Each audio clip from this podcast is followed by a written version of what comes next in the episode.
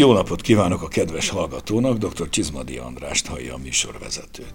Műsor folyamunkban bejártuk már a világ jelentős borországait, egészen Új-Zélandig bezárólag, de a közvetlen közelünkben, mondhatnánk szomszédunkban lévőket csak mostanában. Horvátország és Szlovénia után nézzük meg közelebbről most a másik nagy szomszédot, Romániát. Jól lehet, az erdélyi borvidékekről már esett szó régebbi adásainkban, de a Kárpátokon kívüli óromán régiókról még nem. Az átlag magyar borkedvelő sokkal jobban ismeri a francia, olasz, spanyol, újvilági borokat, mint a közvetlen szomszédokéit. Miközben van itt is bőven felfedezni való. Románia speciális helyzetben van szőlő és bor szempontból miközben földrajzi adottságainál fogva a térség magas minőségű borszőlőre igencsak predestinált. Gondoljunk a Kárpátok délkeleti rejtőire, Dobrudzsára és a hasonló térségekre. A szőlő és a bore vidéken több ezer éves múltra tekint vissza, még jóval a román nép betelepedése előtti időkre. Órománia borvidékei nagyjából Toszkánával vannak egy szélességi körön, ez pedig igen jó klimatikus viszonyokat sejtett. Állítólag körülbelül 180 ezer hektár szőlőfelületük van, de ebből komoly minőségi borkészítésre csak körülbelül 50 ezer hektárt tartanak aktívnak. Ez nagyjából megfelel a mai magyar felületnek. Egyébként igen sok a kistermelő családi pince, akik maguknak meg barátaiknak állítanak elő bort. A borízlés is jellemzően még mindig az édeskés dolgokra hajaz. A komoly minőségi szárazborokat csak szűkebb réteg keresi. A Ceausescu korszak nyilván a borágazatnak sem kedvezett, utána szinte a nulláról kellett indulniuk. A korszak édeskés tömegborain nevelkedett társadalom nehezen vált ízlést, ismerjük ezt a jelenséget a hazai pályáról is. Mi itt már egy-két fokkal előbbre járunk, de ennek egyéb történelmi okai is vannak. Minden esetre megállapítható, hogy Románia bor potenciálja igen magas, és csak idő kérdése, mikorra aknázzák ki ezt a lehetőségüket. A forradalom után azért itt is jelentek meg külhoni befektetők, megérezvén a potenciált, és nyilván az olcsó munkaerőt is, és ha lassan is, de elindult egy belső fejlődés is, amelynek néhány csúcsborban megnyilvánuló hatását már lehet tapasztalni. Erdély kisé más világ klimatikusan is, bortörténetileg is. Lényegét és történelmi helyzetét tekintve sokkal inkább a magyarországi borászkodás egyik ága volt évszázadokon át, és ez jó részt a mai napig érezhető. A mai adásban tehát Románia fontosabb borrégióit, borvidékeit és borait igyekszünk bemutatni meghívott vendégünkkel. Tartsanak velünk! Szabadítsuk ki a szellemet ezúttal a romániai palackokból. Köszöntöm a stúdióban Ercsei Dániel borszakírót, a Pécsi Borozó szerkesztőjét. Köszönöm a meghívást, és üdvözlöm a hallgatókat. Dániel sokunkkal ellentétben nem csak a távolabbi borországok borainak jó ismerője, hanem a közeli szomszédokkal is behatóan foglalkozik. Nézzük meg először a romániai borászat múltját. Voltak itt 19. században már némi francia kapcsolatok, ha jól emlékszem. Hát ugye először is nem árt ismételni a történelemleckét, hogy amikor 19. századról beszélünk, akkor nem a mai Romániáról beszélünk, hanem Óromániáról beszélünk, tehát Olténia, Munténia és moldovai területekről beszélünk, minden, ami a Kárpátokon túl van. És abban az Egyesült Román Királyságban, ugye ez két fejedelemségből egyesült, abban egyrészt nagyon erőteljes francia hatás érvényesült a borászati területen, ami nem csoda, hiszen a román nyelv az egy új latin nyelv, és egyébként már akkoriban is, ha jól tudom, akkor a, az óromániai Vincelér iskolákba, illetve a bukaresti egyetemekre jártak át egy tanítani eh, Franciaországból professzorok, tehát ez nem csoda, és nyilván kijutottak a szőlőkbe is, tehát hogy ott is éreztette a hatását ez a francia dolog. Illetve, és ez nagyon fontos, a román királyi család az viszont egy német dinasztia volt, tehát német gyökerekkel bíró dinasztia, úgyhogy ezért némi német befolyás is érvényesült. A két világháború között egy bizonyos ideig szövetségesek voltunk, úgyhogy akkor is egy erősebb német hatás volt. Mátyás király szülőházán Kolozsváron ki van írva egy román tábla, ott van egy román tábla, hogy Mátyás a nagy román király, aki ugye csak saját véreit, a románokat nem tudta legyőzni sohasem, és minden egyéb csatát megnyert. És ugye ennek van egy, van egy magyarázata, hogy ugye Mátyás vezetett hadjáratot Stefán Cselmáre ellen, akivel egyébként szövetségesek voltak egy ideig, csak utána utána ugye valahogy szembe kerültek egymással, és Mátyás kivetett adókat. És ezek elől az adók elől egy csomó székely átszökött Moldovába, mert nem szerették ezeket az adókat, és Mátyás ellen Stefán Csalmár seregében a jobb szárnyat székelyek alkották. És a székelyek majdnem megölték Mátyás királyt abban a csatában, ez volt az egyetlen csatája, amit elvesztett, és menekülve hagyta el a csatateret. Szóval van benne igazság, saját véreit, csak nem a románokat, hanem a székelyeket nem tudta legyőzni sohasem. A szocialista korszakban mint mindenütt, itt is a monopól borgyárak és szövetkezetek tömegei jöttek létre, ugye ez ismerős nekünk amúgy is. Hogyne, és szerintem azóta is egy elég erős ellenérzés van minden közép-kelet-európaiban a szövetkezet szó iránt. Pedig milyen jó nyugat-európai borászati szövetkezeteknek lehetünk és lehetünk tanulni.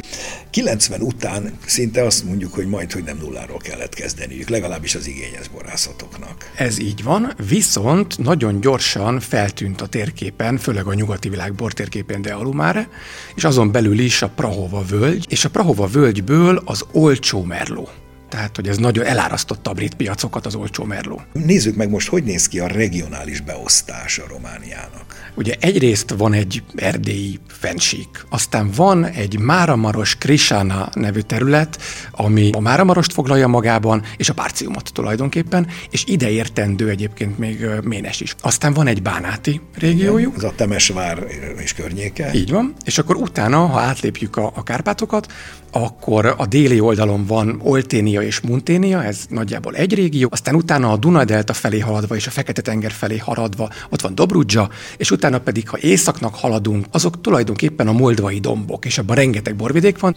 A borok klasszifikációja hogy néz ki manapság? Hát ez nagyon új latin szisztémát, vagy francia szisztémát követ. Tehát, hogy van ugye egy nagy régió, azon belül vannak a, a borvidéki dolgok, azon belül néha akár település szintre is lemennek, és azon belül vannak a dűlőszelekció. Amikor dolgoztam az Európai Unió által kért és a románok által benyújtott térképekre, akkor Dragásán borvidék 340 hektárral vont fölt egy ilyen térképen, és én ezt sajnos készpénznek vettem, és elkezdtem kommunikálni, és utána a románok felhívtak, hogy hát valójában ez 2500 hektár, és milyen hülyeségeket írok, és mondtam, hogy hát ez a hivatalos, hogy 340, mondták, hogy hát igen, lehet, hogy ez a hivatalos, de lehet, hogy 2500 van. Ennyit a precizitásról. Hogyan néz ki a romániai fajtakör, itt különösen a lokális, helyi fajtákra volnék kíváncsi, meg hát nyilvánvalóan a világfajták is ma már megkerülhetetlenek, pláne föltörekvő borászatokkal foglalkozó országokban, de nézzük meg a helyi fajták helyzetét. Hát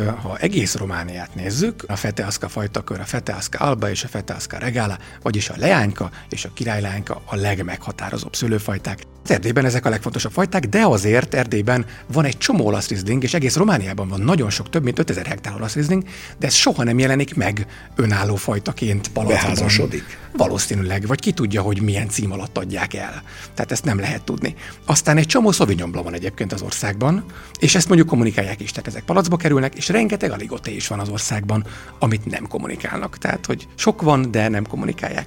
És akkor utána vannak olyan hát mondjuk őshonosnak gondolt román fehér fajták, de ezek marginálisak, csak inkább a kommunikációjuk sok, hogy Tamayosa romanesca például, ami egyébként a muskotáj, a sárga muskotáj, de mondjuk egy echte román nagyon meg van róla győződve, hogy ezt ők találták ki. Ott van a híres grassa, azaz a kövérszőlő. Hogyne, a grassa de Kotnári, ami, hát igen, ha minden igaz, akkor mi úgy tudjuk, hogy Mátyás király küldött oda szőlőveszőket, de mindegy, tehát van a kövérszőlő szőlő Grassa de Kotari néven, illetve van egy ilyen Kramposie szelekció, Nátár nevű csodálatos Ez fajtájuk. micsoda? Hát a Kramposie, az úgy tudom, ők is úgy tudják, vagy azt hiszik, hogy egy ősi román szőlőfajta természetesen, ami kicsit olyan, mint a mi kéknyelünk, hogy nagyon rosszul termékenyült, vagy önállóan nem is termékenyül, mm. és akkor Női emiatt, varú. így van, és akkor emiatt mindig egy másik fajtával kellett együtt ültetni, és ezt megunván román kutatók ezt próbálták kinevesíteni, és végül lett ez a szelekcionát, tehát most már önállóan is lehet ültetni. És egyébként tök jó pesgő alapbor. Nézzük meg még gyorsan a kékszőlőket is, mert abból is van pár. Romániában még a mai napig 40%-a a kékszörültetvényeknek Merlot, és további 20% a Cabernet Sauvignon. És akkor mellette, hát van a Fete Ascaneagra, vagyis a fekete lányka, ami szintén szerintem nagyon elterjedt, és ez az úgynevezett flagship variety, tehát ez a legfontosabb szőlőfajta, ezt kommunikálja a román borászat mindenfelé. És akkor mellette vannak olyanok, hogy Novák, van olyan, hogy Negru de Dragasani, ami egy, szerintem egy nagyon izgalmas fajta, és csak Dragasán környéken található meg, meg például van olyan, hogy Babeaska Neagra, úgyhogy vannak ilyen csodás fajták, de ezek nagyon marginálisak egyébként. Sikerült ilyeneket kóstolnod is? Bizony, sőt, elég sokat, mert hogyha elmegy az ember mai modern román borászatokba, akkor mindig ezeket mutogatják. Én ebből csak a fekete leánykát, azt is főleg balagézárál, a szenzációs fajta egyébként, az remek fajta. Halka jegyzem meg, hogy szerintem, szerény véleményem szerint ballagézái a legjobb egész Romániában. Erre van esély.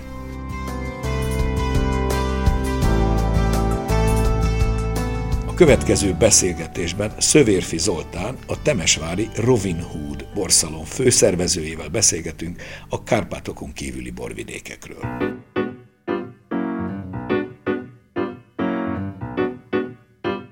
Románia összességében 7 borvidékre oszlik a 180 ezer hektárjával, ami, ami nagyon sok, viszont ha a Kárpátokon túlra megyünk, akkor beszélünk az olténiai borvidékről, a munténiairól, ami a Gyálumára is hozzátartozik, a moldvai borvidékről, illetve a dobrudzsai borvidékről, amelyik a, a tengerparton van. Nem annyira a borvidékek érdekesek, hanem inkább a, a helyi szőlőfajták. Zolténiai borvidékről, tehát ez a Kárpátoknak a déli része, tehát ott a Drögösányi vidéken három pincészetet, az Avinciszt, a Stirbét és a Bauert, akik kifejezetten a Krömposie szelekcionáta, ez egy fehérfajta, illetve a Negru de Dragossány és a Novák vörös fajtákkal foglalkoznak. A Negru de Dragossány az egy ilyen testes, testesebb vörösbort ad, míg a Novák az inkább egy elegánsabb, magasabb savtartalmú vörösbort ad. Hogyha az ország keleti részére megyünk, Moldvába, akkor ott mindenképpen beszélnünk kell a, a frünkusáról, amelyik a furmitnak a féltestvére, egy kiváló fehérborok származnak belőle, illetve nagyon jó pesgő alapbornak is. Ott van persze a kövér szőlő, Egyesek még vitáznak, hogy magyar fajta-e vagy román fajta, de ha jól tudom, a nemzetközi irodalom azt, az román fajtaként tartja számon. És a sárba, amelyik ugyancsak egy fehér fajta, és gyönyörű borok születnek belőle is. Persze a fekete leánykáról se feledkezzünk meg, hiszen a Monda ugye azt mondja, hogy Mátyás királynak a fekete serege ezt itta, de hát ez, ez sajnos csak Monda. Igazából a fekete leányka is a moldvai borvidékről származik. És hogyha Diálu Máreba megyünk, amelyik tulajdonképpen Romániának a legismertebb borvidéke, ez főleg a vörösboros vidék, és hát itt van a pincészeteknek a legnagyobb sűrűsége is borvidékenként, hogyha e, mondhatunk ilyesmit, hiszen e, Romániára jellemző az, hogy sok e, nagy pincészet van, ezer hektár fölötti pincészetekről beszélünk, és a 180 ezer hektár szőlő az tulajdonképpen ilyen 250-300 pincészetre oszlik szét. Kevés a kicsi butikborászat, viszont például Gyálumáreba van egy ilyen, amelyiket a Dagon pincészetnek hívnak, és ott igazi, hát mondjam úgy művészborok készülnek, hiszen a borászok azok valamit ki szeretnének fejezni azzal, amit, amit készítenek. Nézzük meg most közelebbről a négy legjelentősebbnek gondolt óromániai részt. Dealu Márét már említetted, ugye ez az a bizonyos Prahova Valley, ahogy a nemzetközi címkéken megjelenik. A Dealu Mare borvidéket először is helyezzük el a térképen, tehát Bukaresttől északra, ha elindulunk Brassó felé, akkor amikor elérjük a Kárpátok hegyláncait, akkor Ployestinél tulajdonképpen keletnek vagy jobbra fordulunk, és egy 30 kilométeren belül elérjük a borvidéket, tehát ez a Kárpátok déli lejtői. És vitathatatlanul itt vannak a mai román bortörténet legfontosabb és legnagyobb nevei, az itteni sztárborászok viszik a jó hírét. Itt külföldi befektetők is bejátszanak a képbe? Persze. Persze, teljesen egyértelműen. Viszont azért az is nagyon izgalmas, hogy a legtöbb román borexport az innen kerül ki, de országos szinten az export az még mindig csak 5-6 százalék. Tehát nagyon keveset exportálnak. Megisszák maguk? Megisszák maguk, de az 5-6 százalékot azt szinte majdnem mindig innen. Úgyhogy ez is egy ilyen nagyon érdekes kérdés. Beszéljünk Murfatlárról. Murfatlár egy óriási régió. Hát Murfatlár egy hatalmas régió, ezt is helyezzük el a térképen, tehát hogyha megyünk a Fekete-tenger felé, akkor még, tehát átlépjük a Dunát, és még mielőtt elérjük Konstancát, a nagy kikötővárost, ahol egyébként Ovidius meghalt, a római költő meghalt, a, akkor Konstanca és a Duna között van Murfatlár. Tehát ez egy ilyen sík terület, ahol egyébként hogy is mondjam, székely magyar őseink ásták a Duna csatornának az árkait. Igen, és kényszermunkában. Így van, tehát nem ön, önként és dalolva, hanem kényszermunkában. És ez ma egy borrégió, ahol egyébként nagyon-nagyon meleg van, tehát hogy nagyon komoly vöröseket lehet csinálni. Másrészt én kóstoltam olyan fehéreket, ahol egy ilyen izgalmas tengeri levegős sósság megjelenik. Illetve Konstanca környékén ismert a Lacrimálui Ovidiu nevezetű boruk, ami egyébként szerintem egy kombinátos örökség. És ez Ovidius egy... könnyei. Ovidius könnyei. A Lacrima Christit ismerjük ugye Nápoly környékéről. Így van. Na itt Ovidius könnyeit palackozzák, ami egyébként egy édesbor és erősített édesbor. 18-as alkohol, és még édes is, és savak nincsenek benne, tehát hogy, de egyébként izgalmas, tehát hogy érdemes megkóstolni, hogyha arra járunk. A Murfatlárban is elég sok emlékeim szerint az ilyen félédes változat a vörösökben. Rengeteg. Rengeteg, többség. Rengeteg. De van köztük komoly száraz is azért, ami úgy azt mondjuk, hogy na ez a mi ízlésünknek is. Van, de nagyon kevés. Nézzük meg az előbb említett Dragasányit. Hát ugye Dragasánt, ha térképre kerülünk, akkor mondjuk Bukarestből elindulunk az ellenkező irányba, a Vaskapu felé, ahogy tetszik, ott van egy autópálya is, és ahol az Olt folyó áttöri a Kárpátokat, ott van a Kárpátok déli részén, a dombokon a Dragásán nevű borvidék és a Dragásán nevű város. És ott a környéken vannak szerény véleményem szerint a mai Románia legjobb pincészetei. Tehát ez akár nevesítem is, Avincis, Stirbej, és a Stirbejnek a borászának, Oliver Bauernek van egy kis saját birtoka, a Bauer birtok. És ez a három, ez szerintem a csúcsok csúcsa. Hát ennyi Dragasányiról, e, és Kotnári végül, ugye ez meg egészen fent van, Moldova, észak-kelet, eredetileg Gotnárnak hívták azt a derék száz e, Vincellért, akit Mátyás király annak idején pont Stefán Csermárénak, ugye a Nagy István, ahogy magyarosan mondjuk azt a moldvai fejedelmet, aki járt Mátyás udvarában, és állítólag nagyon megtetszett neki, főként a tokai bor, és kérte, hogy segítsen hozzá Mátyás, és Mátyás ezt a Gotnár nevű Vincellért megfelelő szőlőveszőkkel ellátva küldte Stefan Cselmárénak, aki aztán megjelent ott a vidéken, megvizsgálván a dombokat, és úgy döntött, hogy itt és itt és itt kell telepíteni, és meg is alapította Kotnárt. Aztán gondolom ez a G kásodott, és akkor Kotnár lett belőle. Mit tudsz erről? Hát ugye ezt a legendát, ezt szerintem mindenki ismeri, aki borral foglalkozik, még a románok is ismerik. Kicsit módosított verzióban mesélik, de hogy a lényege az ez. Na most a mai Kotnár az tulajdonképpen egy borászat tehát egy hatalmas, egy óriás. egy óriási szövetkezeti borászat, ahol vannak nagyon jó borok, meg vannak nagyon rossz borok. És ami meg a történetet illeti, ugye Mátyás király idejében Tokaj még nem emelkedett fel, tehát nem Tokajból küldte, és ha Tokajból küldte volna, ott nem voltak száz vincellérek, tehát hogy valahonnan máshonnan kellett, hogy küldje, de az viszont tény, hogy a Grása de Kotnári és a kövérszőlő az azonos genetikailag. És ha a mai kotnári borokat nem is tudom jellemezni kéne, akkor nagyon sok ilyen felejthető félédes fehér. Viszont nagyon érdekes, hogy a, az archívtételekből, a kommunizmusból, ha kóstolunk, és rengeteg archívtételük van, akkoriban ez még kicsit tokajra hajazott, tehát botritiszes édesbor. És nagyon hosszan érlehetőek. Tehát 50-es, 60-as évekből én nagyon sokat kóstoltam ott, és gyönyörűen állnak a mai napig, nagyon szépek. Általában mondható, hogy a kotnár nem mindig botritiszes, csak a csúcs változataiban. Sőt, a, a mostani román borászati hagyomány mintha szakítana a botritisszel, és az elmúlt 20 évből nem kóstoltam botritiszes édesbort Kotnárból. De viszont mindig édes valamilyen szinten. Ugye nincs szárazban Kotnár. Van, de, de, de. És na, ugyanúgy, mint ahogy Tokajban, a kövérszőlőből nagyon szép szárazakat kezdtek el készíteni. Azt tudom, hogy lehetni lehet, csak... Elkezdték. Elkezdték, de akkor nem volt tipikus, inkább azt mondanám. Nem, nem. Abszolút. Én mindig úgy emlékszem rá, hogy legalább félédes. Olcsó félédes.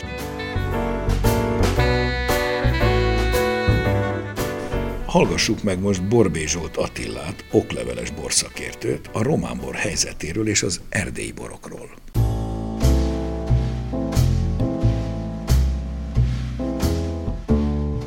Hogyan látja a Románia helyzetét a borok világában? Hol áll most Románia?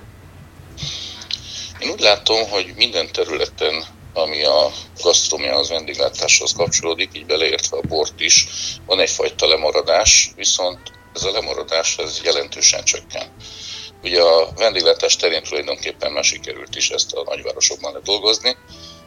A, a borok világában még vannak egyes területek, amelyek igencsak hát fellendítésre szorulnának, például a borturizmus az összehasonlíthatatlanul gyengébb, mint, mint Magyarországon. A gasztrómiában sincsenek olyan mértékben jelen a, a borok. Nem történt meg igazán a penetrációja a, a minőségi boroknak a, a gasztrómiában, illetve ahol vannak borok, a legtöbb esetben a nagy pincészeteknek a, a szinte egyeduralomnak mondható dominanciája az, ami jellemző, tehát a Temes Rékasi nagypincészet, a Zsidai nagypincészet, és még van, van egy-kettő, de talán ez a kettő, ami a legfontosabb, ezek eluralják a gasztronómiai szcénát a borfesztiválok területén is eh, hát van mit, van mit fejlődni, amik színvonalasabbak, azok inkább csak a, a ilyen kereskedelmi célú kiállítások, de maguk a borfesztiválok többnyire ilyen, ilyen vidéki búslira emlékeztetnek még a nagyvárosokban is. Na most ez az, ami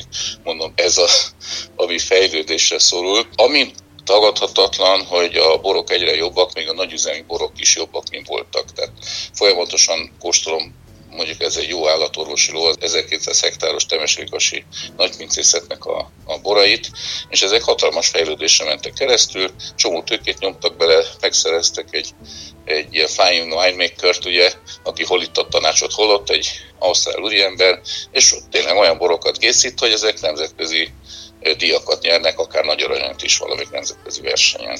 Én nagyon nagyjából így látom, tehát van, van még mit fejlődni, viszont a helyzet sokkal jobb, mint 10 vagy 20 évvel ezelőtt. Földrajzi elhelyezkedése alapján akár nagyobb borország is lehetne Románia. Mi az oka annak, hogy nem alakult ki ez a borkultúra? Gondoljunk bele, hogy Magyarországon volt egyfajta kispolgárosodás. A közösségi tudása a borról Magyarország meg tudott maradni, Erdélyben és a Kárpátokon túl meg kevésbé, mert a Ceausescu rendszer az abszolút mindent letarolt.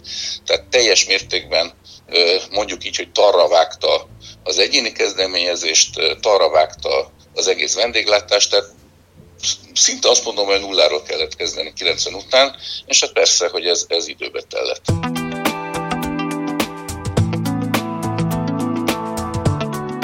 Lássuk most az erdélyi és a parciumi borvidékeket. Ezek már jóval ismerősebben csenkhetnek már, akinek van némi történelmi füle erre, hiszen a régi Magyarország jó pár híres borvidéke található erre felé.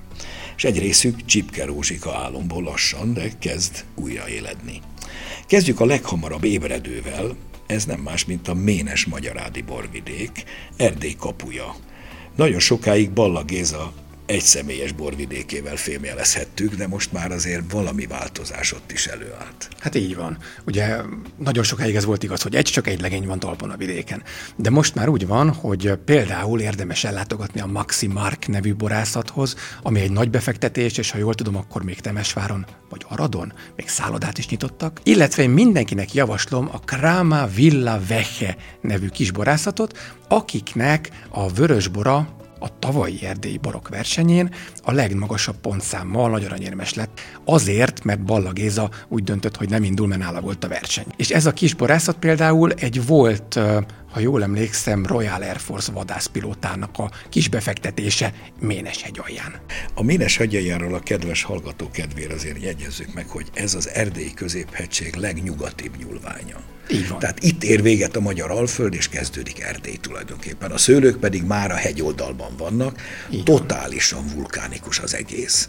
És nagyjából Szexárd déliségével vagyunk egy vonalban. Tehát Isten áldott a terület szőlőre és borra, csodálatos borvidék, sajnos, hogy csak lelkünkben tartozik hozzánk.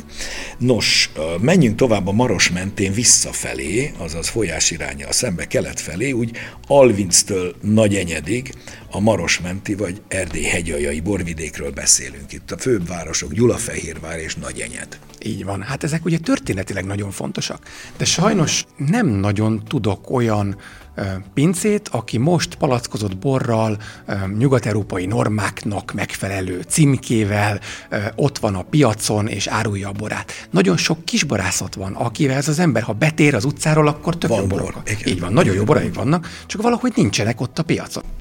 Ha tovább megyünk, akkor a kükülők mentére érkezünk. Hagyományosan az erdélyi szászok által voltak megművelve, ugye második Géza királyunk telepítette be még valamikor nagyon régen a szászokat erre a vidékre, és aztán Ceausescu elvtárs pedig telepítette ki őket Németországba, mármint a maradékaikat. Pénzért. Eladta Pénzért. Őket. Eladta őket szó szerint, igen. Viszont amíg a szászok itt voltak, ez egy igen virágzó borkultúra volt, a nyomai látszódnak, de itt is elindult valami, rengeteg szőlőhely, csak megyünk, megyünk, megyünk, és látszik, hogy a régi szőlősorok helyei megvannak gyönyörű déli meredek hegyoldalakba, de itt-ott újra megjelentek szőlők. Zsidve, Zsidvén van egy óriás borászat. Az lett, az megmaradt, az valamikor azt hiszem szövetkezet vagy állami volt, aztán azt privatizálták, és az, az egy gigantikus. Talán a legnagyobb Erdélyben azt hiszem, ami elárasztja a piacot. Így van, a Zsidvei az egy hatalmas birtok, hogy is mondjam, megkérdőjelezhető minőségű borokkal. Igen, igen sajnos nem csúcs És minőség. valamelyik kastély, valamelyik, nem lehet, hogy egy kemény kastély, de valamelyik kastély is hozzájuk tartozik, mint reprezentációs Úgy épület, van. ahová én még életemben nem jutottam be, vagy négyszer dörömböltem az elmúlt tíz évben a kapuján. És mindig, vár, azt hiszem. Igen, és mindig zárva volt. Viszont van egy Villa Vinea nevű észak-itáliai, déltiroli befektetők. De magyar borász. Magyar borásszal így van, Mihályjal, és fantasztikusan nagy minőséget produkál. Hát olyan édes boraik vannak, hogy esekkelek a gyönyörűségtől. Ugorjunk tovább, Beszterce, ez kicsit északabbra a mezőségnek az észak-keleti csücskén vagyunk, Liliák pincészet, osztrák befektetésből, francia borásszal egészen, egészen kiváló minőségeket produkálnak. Így van, a Liliák az szerintem 2012 óta mondjuk Románia egyik legjobb birtoka, mind száraz fehérben, mind most felnőttek a feladathoz száraz vörösben, és hát édesborokban. És onnan pár településnyire Zselnán, aminek a régi magyar neve Zsolna, ott van egy másik, a Kramazselna. Ugorjunk visszafelé most ismét nyugatnak, Szilágyság. Ott van büszkeségünk Kárásztelek, amit Így még van. Gál Tibor fedezett fel annó halála előtt nem sokkal, hogy ott már pedig pesgő pincészetet kell létrehozni, ami utóbb meg is valósult, és ma már szárnyal. Bizony, nagyon bejött. Azt gondolom, hogy a Kárpát-medence második legjobb pesgőpincészete. Az első szerintem a Kreinbacher. És végül az érmelléket ne hagyjuk ki. Bihar Diószegen nagy nehezen, de lassan ott is újra élet az élet. Heit Lórinak is köszönhető főként talán. A Bakator, a régi Bakator világ elkezdődött. Ne felejtsük el, hogy Nagyvárad környékén egy új szereplő is felbukkant, a Darabont família, Darabont Bettinek a borai. Szóval csodálatos fehérborokat, és egyébként vöröseket is csinálnak, és Darabont Betti, ő egy fiatal borász hölgy, aki szerintem Románia legifiabb WSC-t is, vagyis vészett diplomása.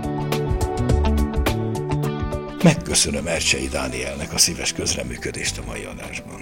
Én köszönöm, hogy itt lehettem. Következzenek a borvilág hírei Novák Dórától.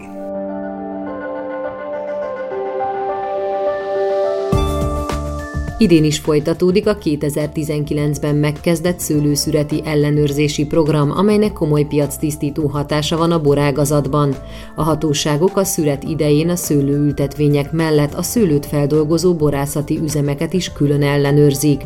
A cél továbbra is a szőlőtermesztők érdekeinek védelme. Idén immár ötödik alkalommal rendezik meg a Pesgő konferenciát egyeken augusztus 31-én.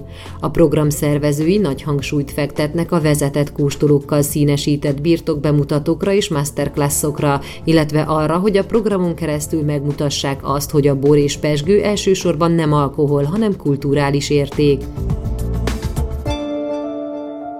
Idén is átadták a Magyarország legszebb birtokadíjat, a fődíjas a hajdunánási kenderes kert lett.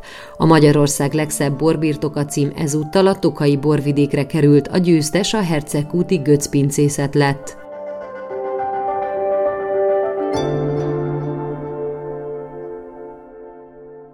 Mai műsorunk véget ért. A hangmérnök Bolgár Jonatán nevében is megköszönöm figyelmüket. Szép napot, jó borokat kívánok. Dr. Csizmadi Andrást hallották.